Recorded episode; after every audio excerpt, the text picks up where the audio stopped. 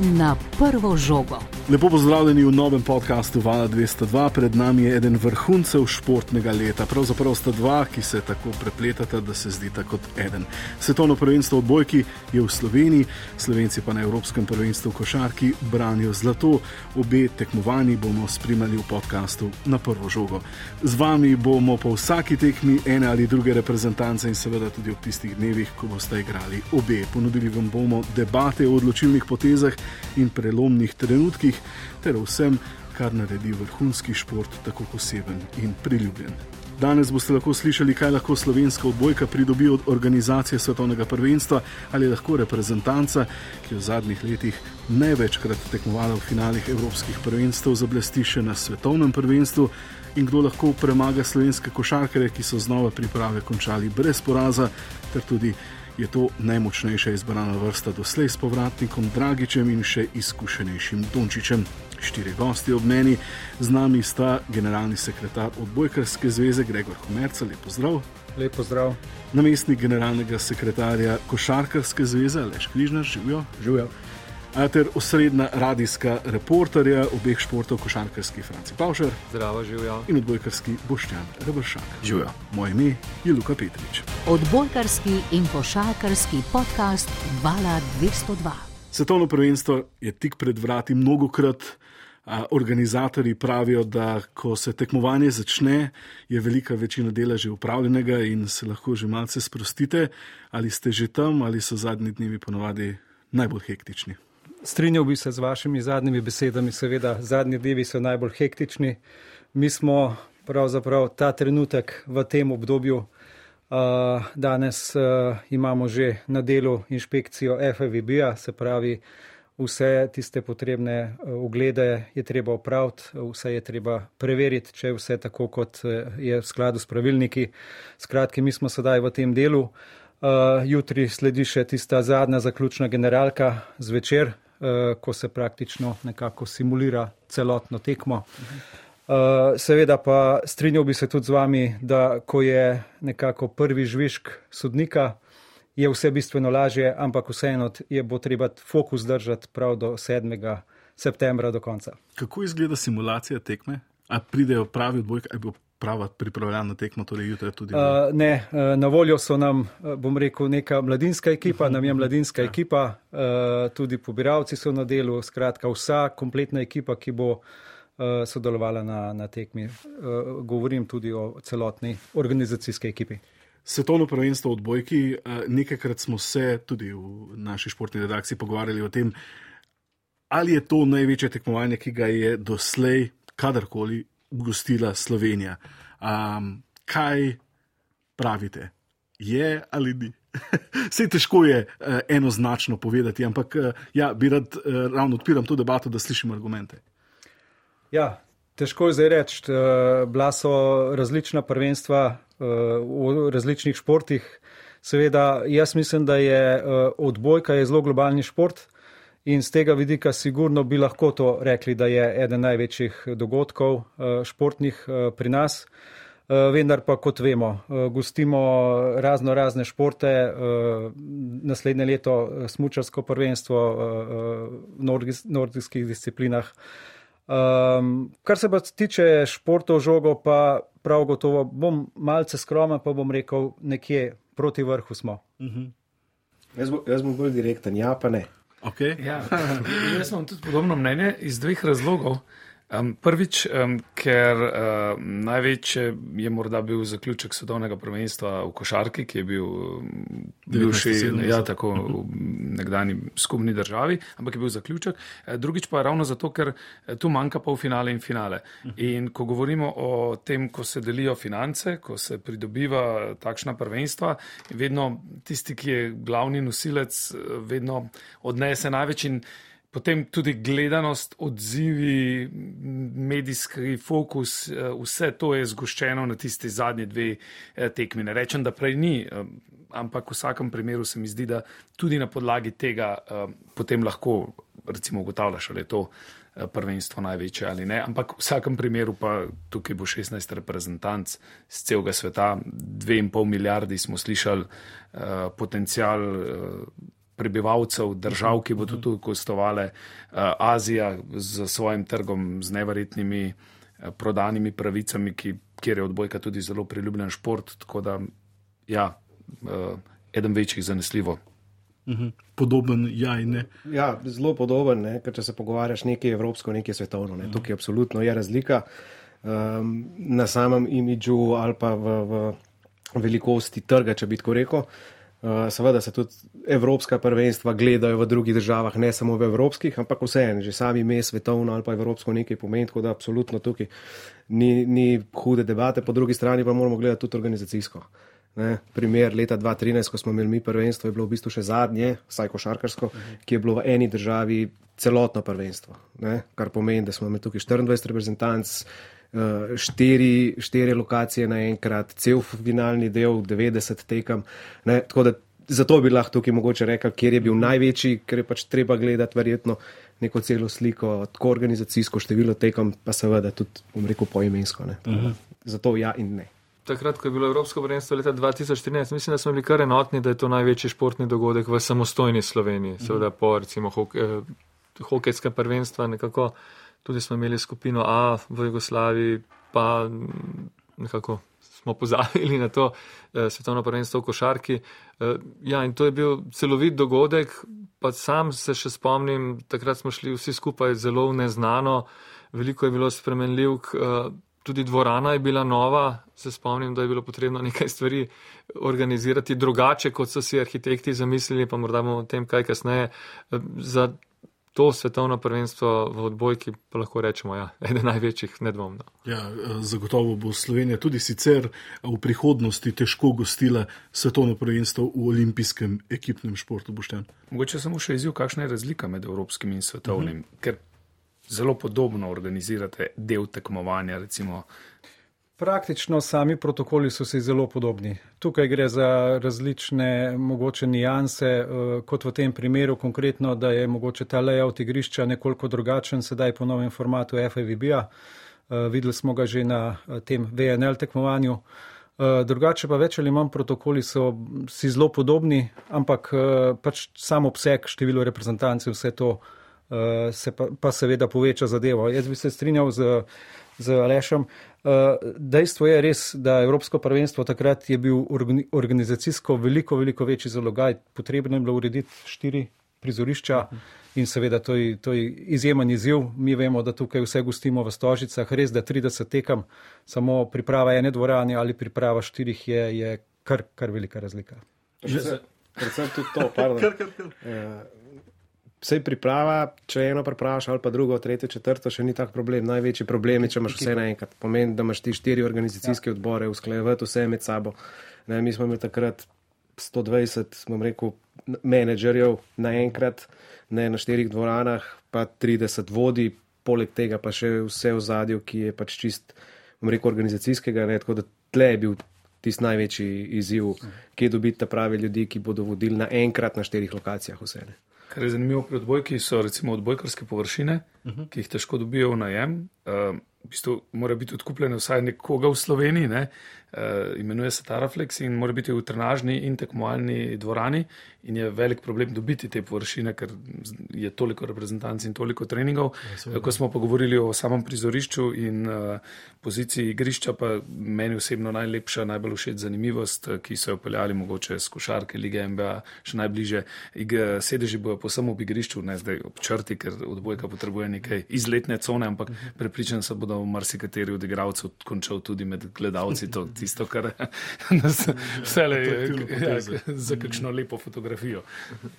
Zakaj pa ste se odločili, potem ko so prvenstvo odozeli Rusi, da a, se potegujete za gostitev svetovnega prvenstva? Ja, enostavno smo bili nekako, um, kako naj rečem, prijeli smo klic, tako bom rekel. Prijeli smo klic mhm. in na mizi je bila enostavno ta ponudba. Uh, vedeli smo in zavedali smo se besed predsednika Arija Grase, Svetovne zveze, da naslednjih 12 let ne bo več prvenstva v Evropi in nekako smo začutili neko priložnost, da lahko stopimo v to igro. Sicer prvotno je bila na mizi ponudba za štiri uh, oziroma za dve skupini s po štirimi reprezentancami. Uh, to smo seveda uh, tudi z pomočjo prejšnje vlade Republike Slovenije, za se, katerim se res iskreno zahvaljujem, zelo hitro rešili tudi ta finančni del kotizacije.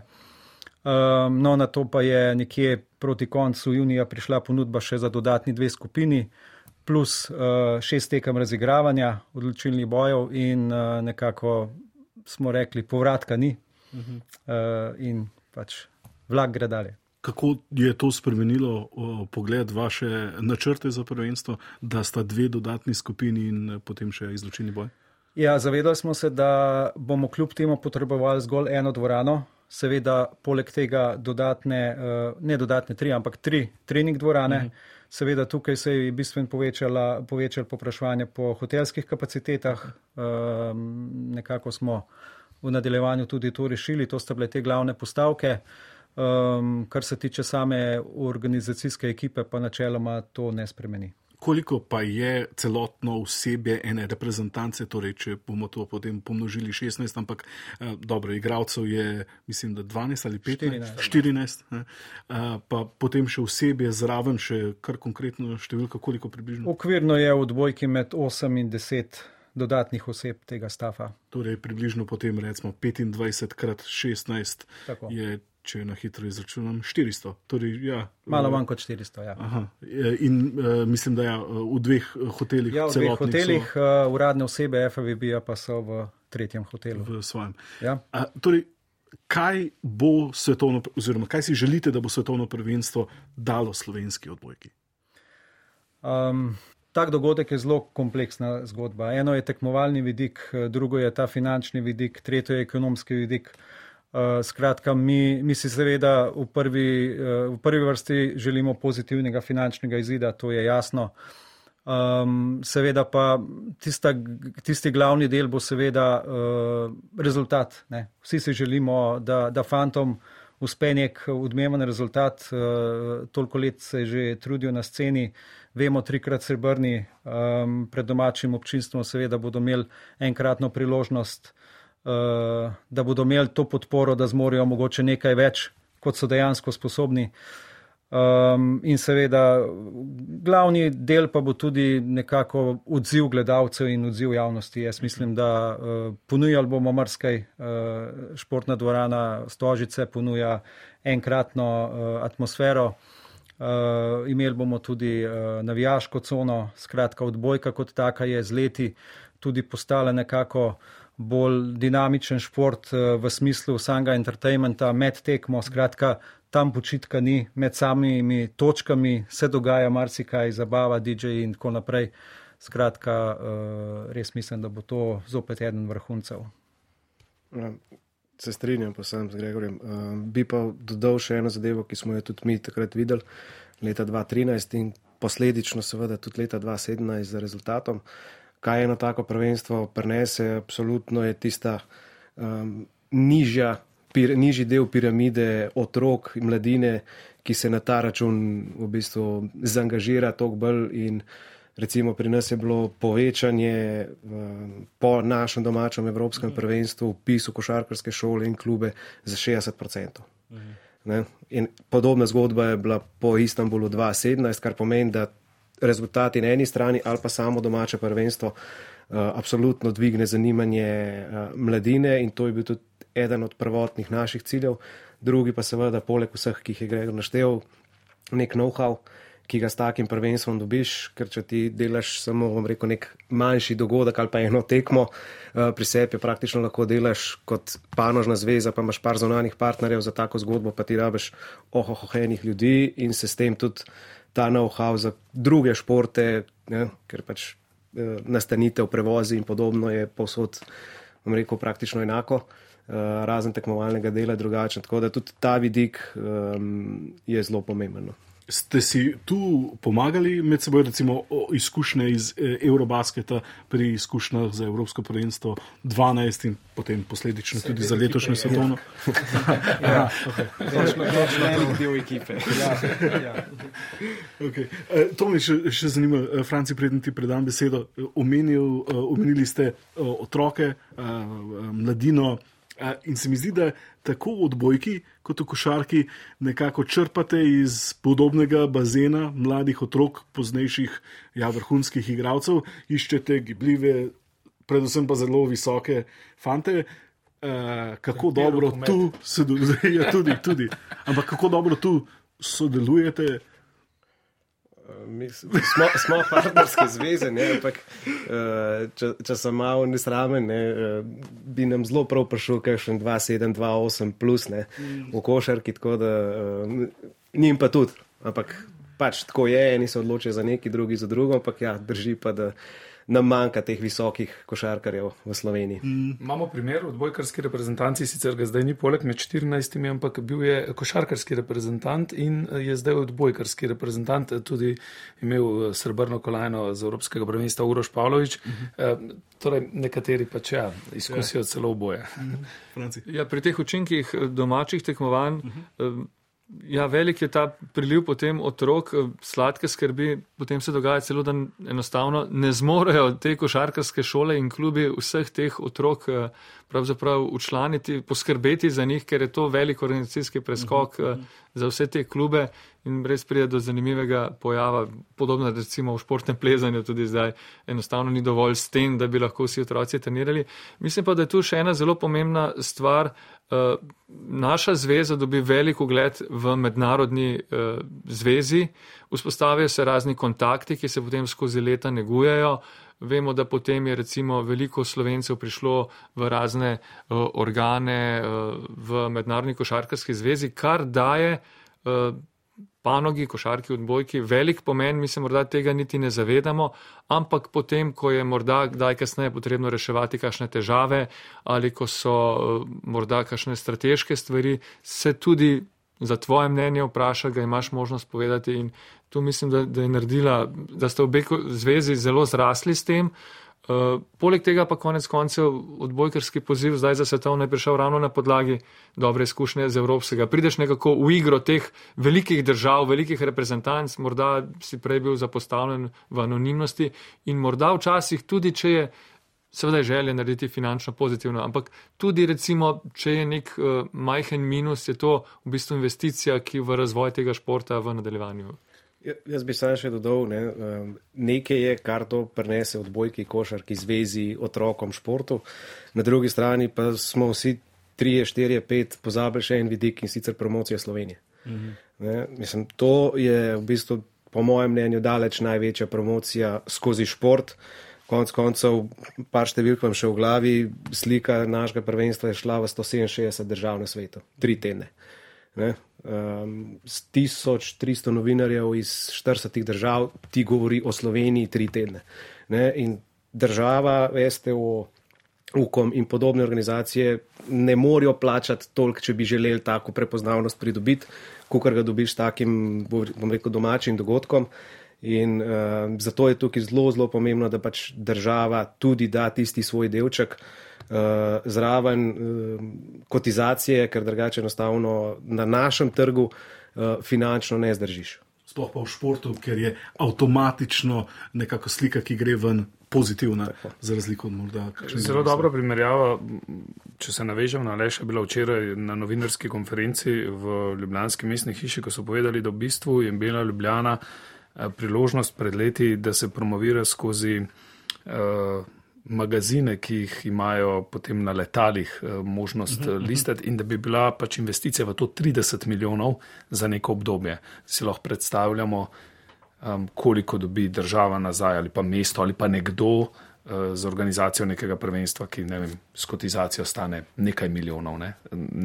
neprimerljivo, verjetno uh -huh. in tudi eh, neprecenljivo. Prej sem pa hotel dodati to, da se mi zdi, da žal ugled bolj raste v mednarodnih krogih kot v domačih. Predvsem govorim v smislu tega, da priliv mlajših je ogromen.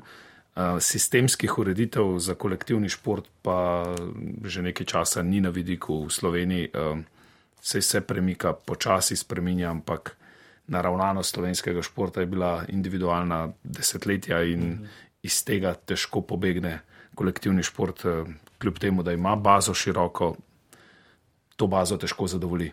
Vleče pa kolektivni šport navijače in to smo videli tudi ob zadnjih velikih tekmovanjih, tako odbojkarske kot košarkarske reprezentance. Kaj pričakujete letos, glede na to, da ja, pri košarkarski reprezentanci, kar zadeva romanja slovenskih navijačev v tujino, koliko navijačev bo lahko si predstavljate, da bi lahko odšlo v Nemčijo na tekme? Naša želja je čim več. Mm. Paketi so pripravljeni, oziroma se tudi dobro prodajo.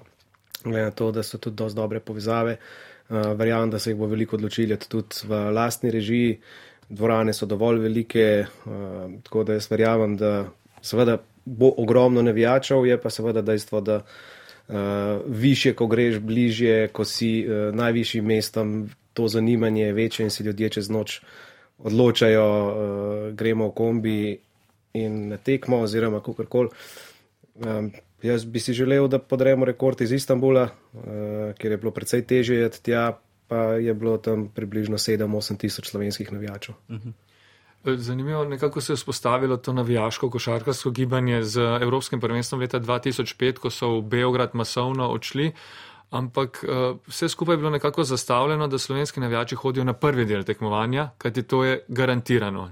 Ne vemo, vedno smo želeli kolajne, 30 let smo jih smo čakali za manj. 25 let, no, uh, in uh, so bili nekako tempirani, da gredo na prvi del. Zdaj pa leto se mi zdi, pa, da je veliko več tempiranih na drugi del. Razlika, ne gre samo za to, tudi, tudi vsa ostala prvenstva od takrat naprej, Španija, Zagreb, uh, Litva in tako naprej, šli so na prvi del, naredili so si, lahko rečem, lep športni izlet, turizem, dopust, karkoli. Uh, Uh, zdaj pa vsi nekako računajo na drugi del in na Berlin. To, to recimo je bilo prej, tega smo bili mi vajni pri Litovcih, Grki, ki so rekli, kaj bomo hodili na prvi del, gremo na zaključek. Ampak Slovenci smo pa raje šli na prvi del, ker smo vedeli, da prej, bomo gledali. Prej so šli na avanturo, zdaj pa grejo po medaljo. Ne? Ampak je avantura tudi v igri. Eh, sam sem se igral za številkami ravno zadnjič, samo za hec.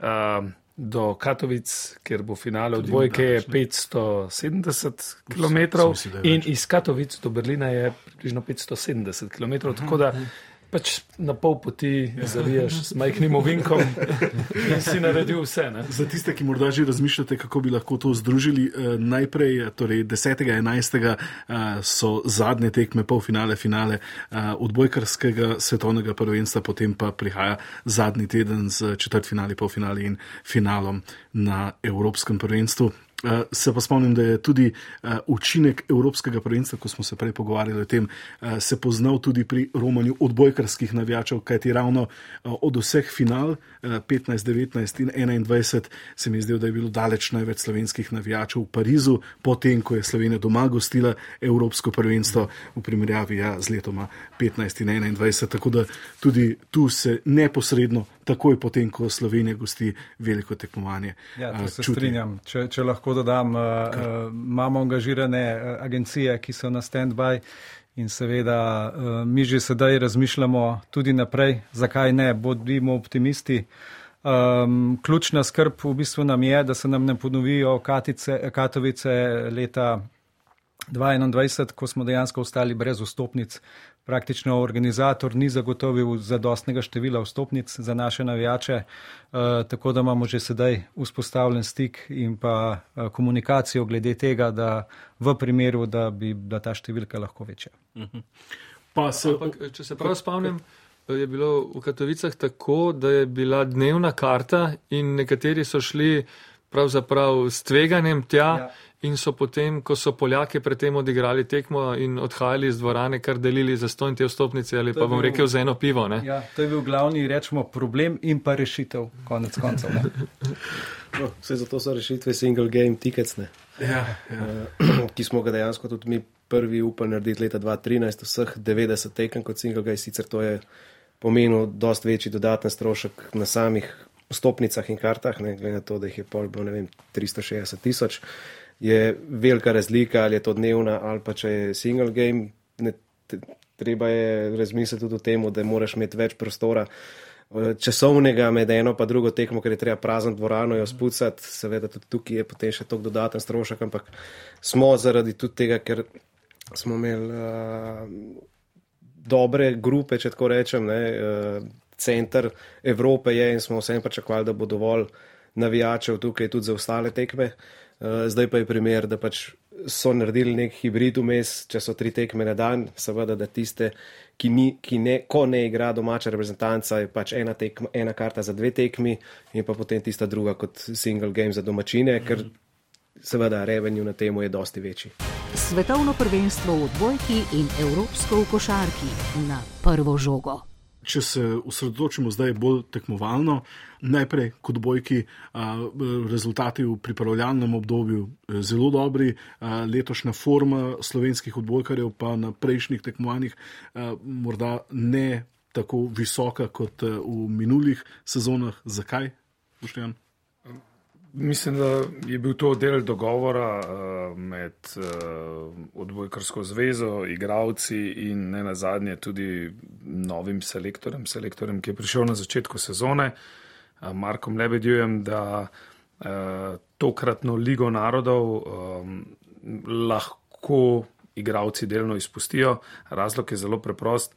Eh, na začetku koledarskega leta je bil znan kvalifikacijski cikl za olimpijske igre v Parizu, za katere se mi zdi, da živi večji del te reprezentance. In jasno je bilo, da po točkovanju za svetovno lestvico potrebuješ ostati med deseterico najboljših ali pa recimo osmerico, da bi si zagotovil nastop v Parizu do konca naslednjega leta. In uh, skozi to je bilo jasno, da bodo tekme na tem svetovnem prvenstvu, ki se začne v petek, in pa dve uh, epizodi prihodnje leto, se pravi Evropsko prvenstvo in Liga narodov prihodnje leto, tiste, ki bodo prinesle najpomembnejše in ključne točke v tem boju.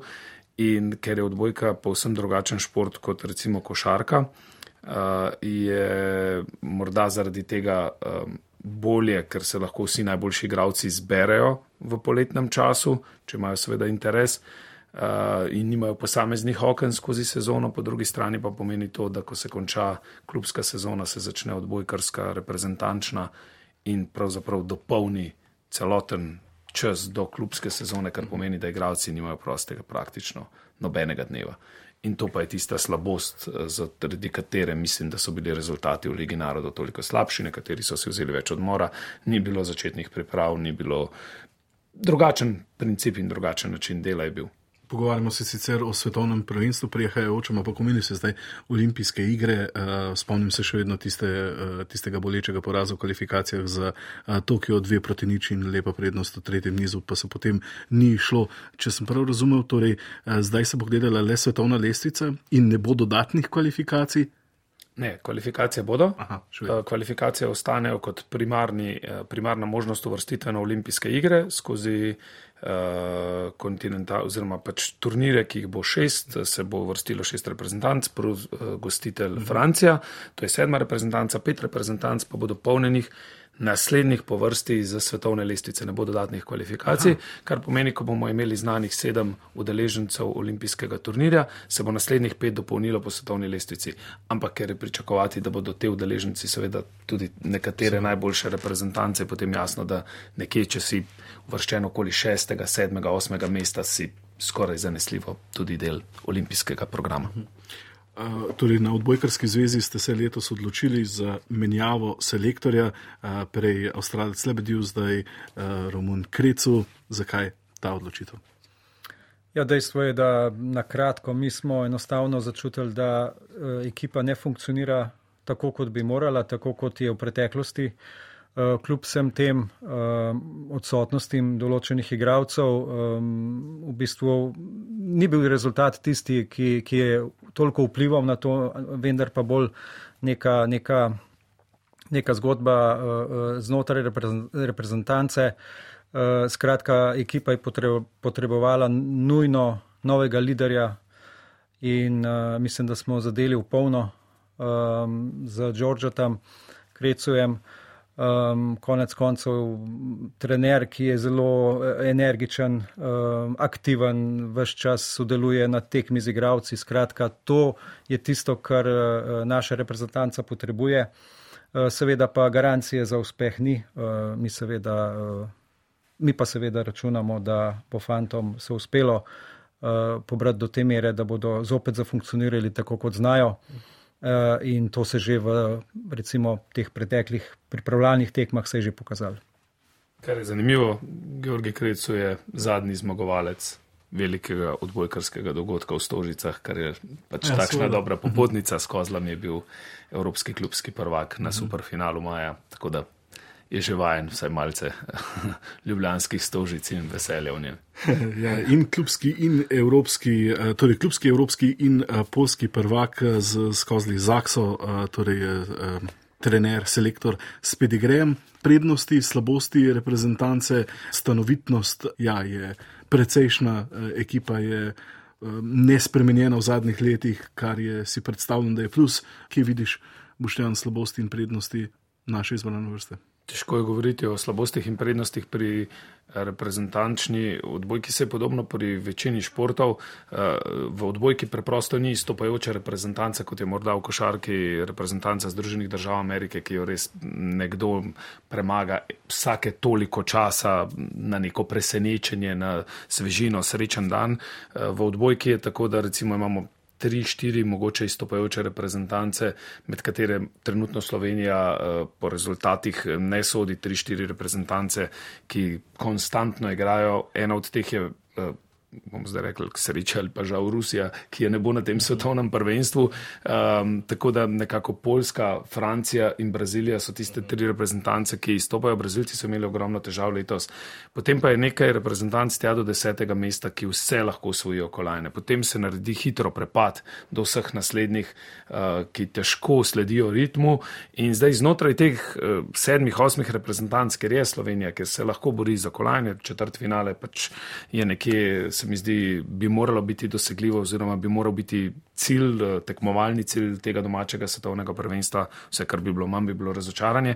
Ampak znotraj teh reprezentanc pa odloča res dober dan. Um, nijanse, včeraj smo govorili z igravci, pa je dejal Mitja Gasparini, ja, en detajl lahko odloči, ne, eh, sprav Gasparini, ki ne bo med nosilci, je rekel, pripravljen treba biti v vsakem trenutku, da pridem na servis, to je moja naloga. In zdaj ena serija treh, štirih servisov v določenem delu igre lahko naredi razliko in si zmagal tekmo. Odbojka je razsekan šport, eh, ne gre, da bi ti kontinuirano gradil prednost in jo potem lahko branil. Skratka, vse skozi moraš biti poleg in zato se tudi dogajajo porazi, kot je bil s Francijo na olimpijskih kvalifikacijah z dva nič še prednostjo. Ampak ja.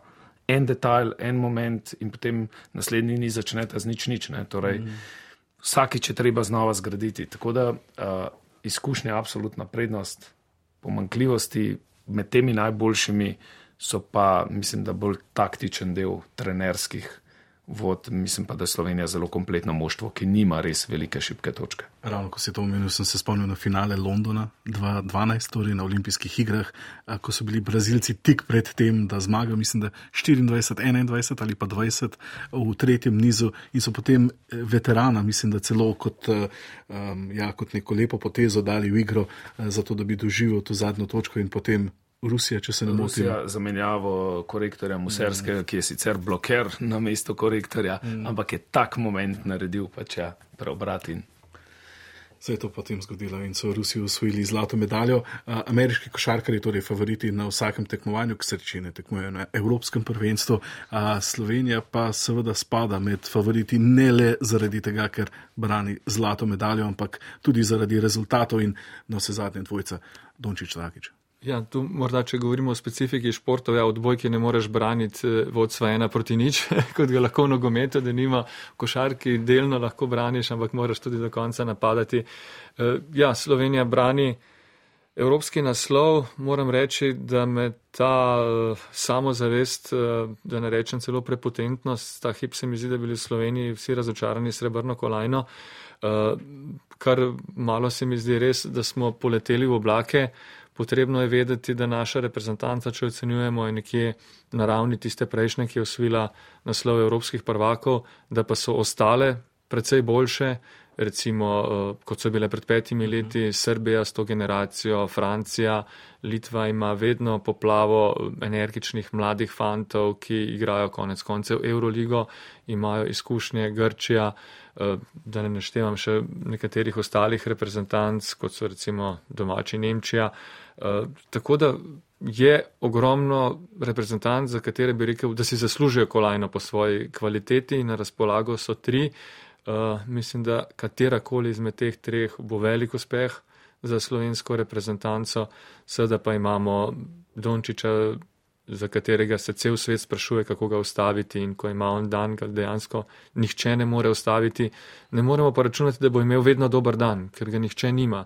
In uh, tu pa potem pride do izraza ostale, ostali košarkari, kvalitete ostalih, mislim, da imamo dobro razporejene nosilce na vseh igralnih mestih, potem pa priklopi, pa če pogledamo, nismo enako vredni ostalim, glede recimo, da imajo veliko več NBA-jevcev, veliko več košarkarjev, ki igrajo Euroligo, tam pa moram reči, da uh, te njihove epizodne vloge bodo zelo pomembne in uh, bo treba to dobro komponirati. Uh -huh. uh, prva peterka pa je ja, uh, zelo močna, morda tudi klop močnejša kot prej.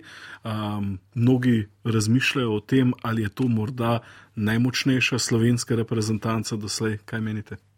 Težko je v bistvu ocenjevati. Uh, vemo, kakšne igralce smo imeli v preteklosti. Uh, konc koncev z Nesterovičem, uh, Smodišem, Lorbkom, Nahbarjem, Bečirovičem in tako naprej. Ne? Tako da po imenih bi mogoče celo rekel, z izjemo zdaj Dončiča, Dragiča, pa tako uh, po imenih, kje so igrali ti igravci, bi bila mogoče celo lahko kakšna prej močnejša. Uh -huh. Um, Mi smo imeli na svetovnem prvenstvu na japonskem šest košarkarjev z NBA izkušnjami, uh -huh. največ za američani, več kot francozi, več kot vsi ostali, pa smo končali v osmini finala. Je pa res, da v tistih šestih košarkarjev morda, da sta dva igrala v prvi peterki, pa še tista dva nista bila takšna nosilca ali pa tako izpostavljena kot Goran in Luka. Rašo Nesterovič in eh, Ben Udrih sta imela prstana.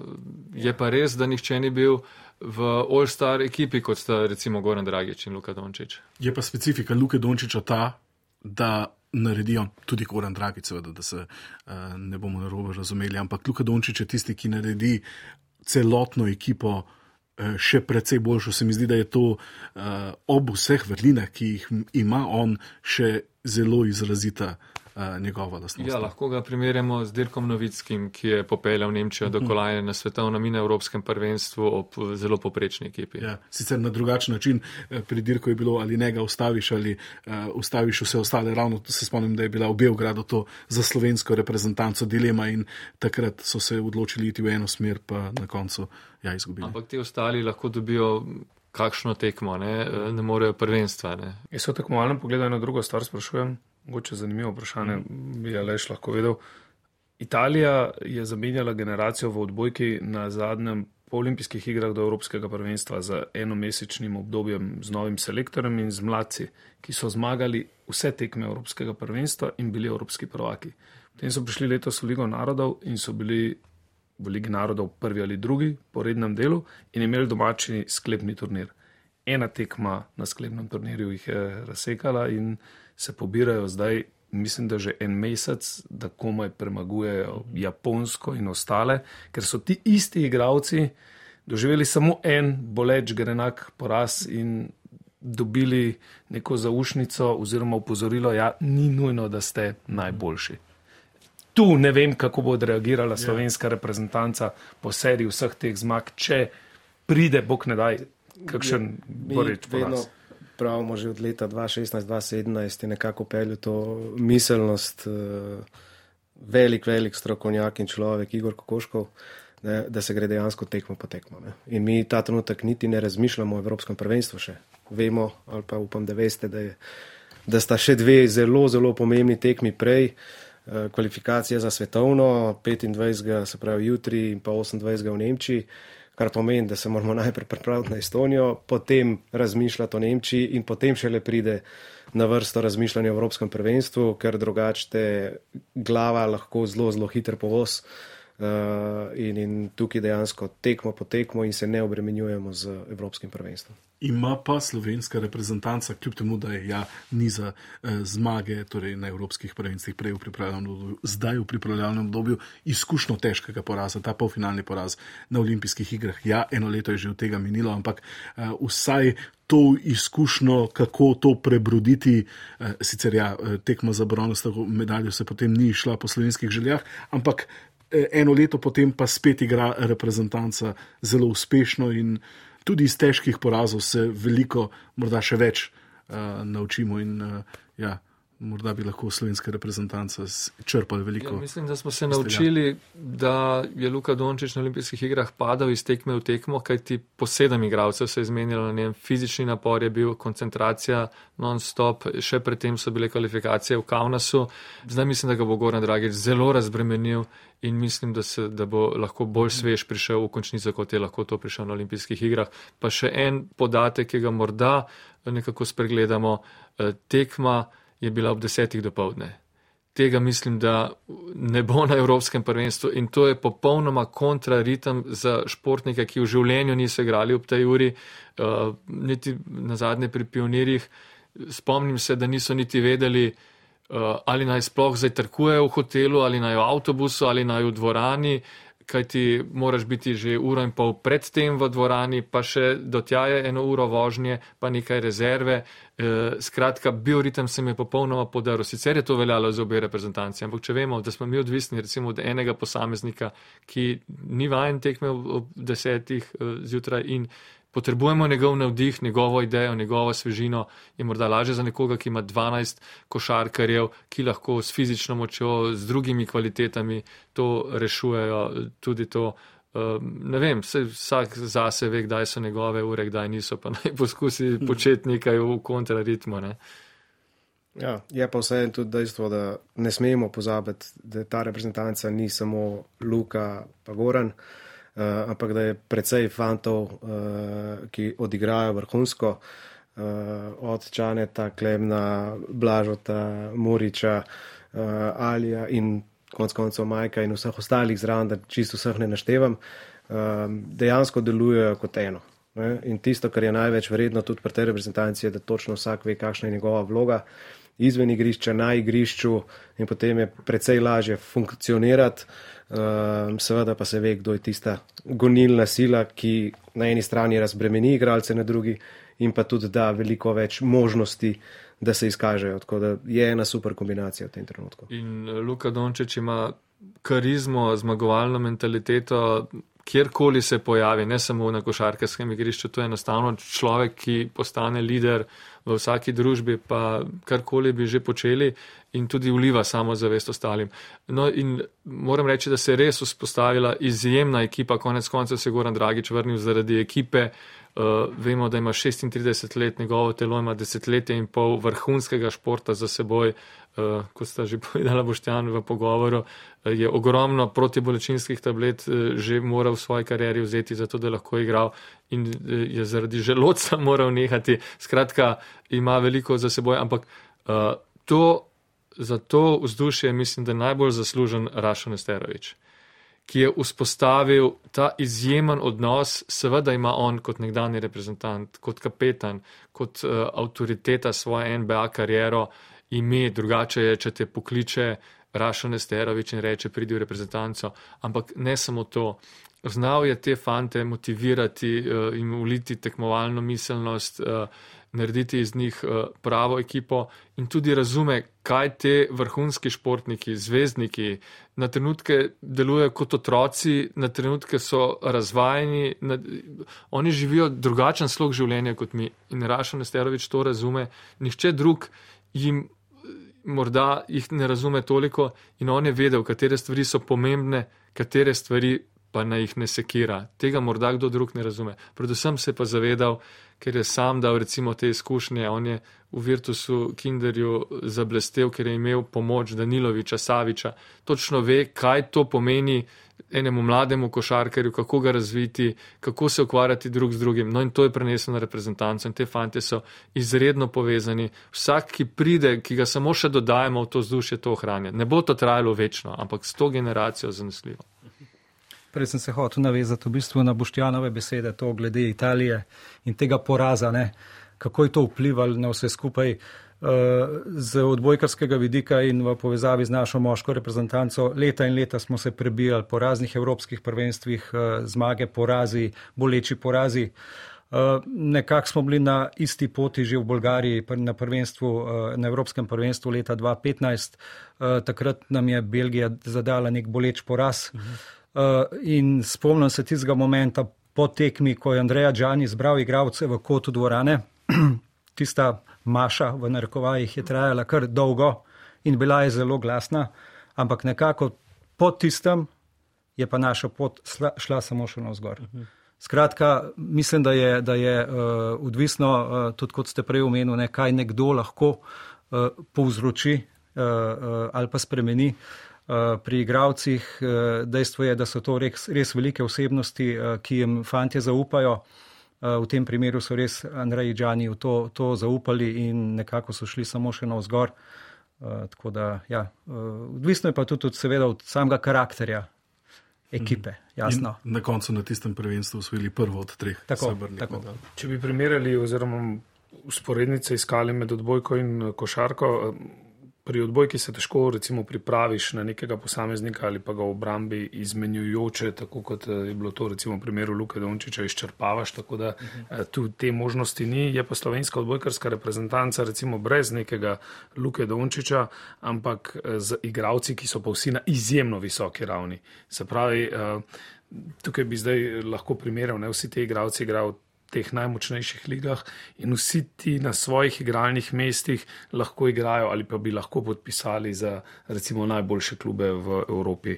Nekateri igrajo na Poljskem, nekateri v Italiji, nekateri pač razpršeni po uh, celi Evropi, uh, ker ni takšnega tekmovanja kot je Liga MBA, ampak v vsakem pogledu pa uh, te fantje ne potrebujejo takšnega zunanjega lepila, uh eh, kot ga je morda omenil prej uh, Franci z Rašom Nesterovičem. Uh, predvsem zato, ker ni posameznika, ki bi tako zelo izstopal, ampak so zelo povezani kot enotna ekipa tudi po svojem znanju. Se pravi, tudi na igrišču ne izstopajo drug od drugega, ne v garderobi, ker pa se mi zdi, da sta obe reprezentanci izjemno homogeni. Recimo v košarki praktično nimamo odpovedi. Ne? Eh, v zadnjih letih skoraj da ni košarkarjev, ki bi odpovedovali. Predtem smo se vsako sezono spraševali, kdo vse bo manjkal, teden za tednom so prihajale odpovedi, eden, dva morda zdaj odpadeta. Mi imamo trenutno uh, kompletno reprezentanco z lanskih olimpijskih iger, spet zbrano ob dodatku Gorana Dragiča. Ja, dejansko, mislim, da tam je 2016 naprej, se je spet nekako spostavil ta kult reprezentance, da se imajo fanti res dobro, res je tudi vrhunsko poskrbljen za njih, tudi razume se jih na drugačen način in zato se tudi radi vračajo, zato konc koncev tudi Luka pride uh, in tako naprej. In to je res ena zelo, zelo, zelo pomembna stvar, o kateri smo se zdaj na zadnjih par minut pogovarjali. Uh mhm.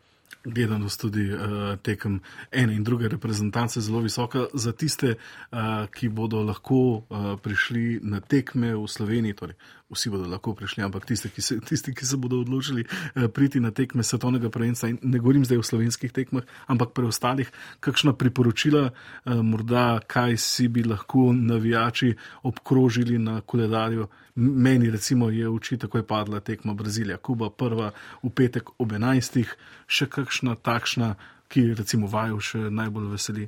Razna otvoritvena je eh, tekma, slovenska skupina je izjemno izenačena, v vseh ostalih skupinah pa je vsaj po ena tekma pretekmovanja takšna, ki bo recimo za oblizniti prste. -huh. Zdaj je to Brazilija, Kuba, a, morda Brazilija, Japonska. Japonci -huh. igrajo zelo lepo odbojko v letošnji sezoni.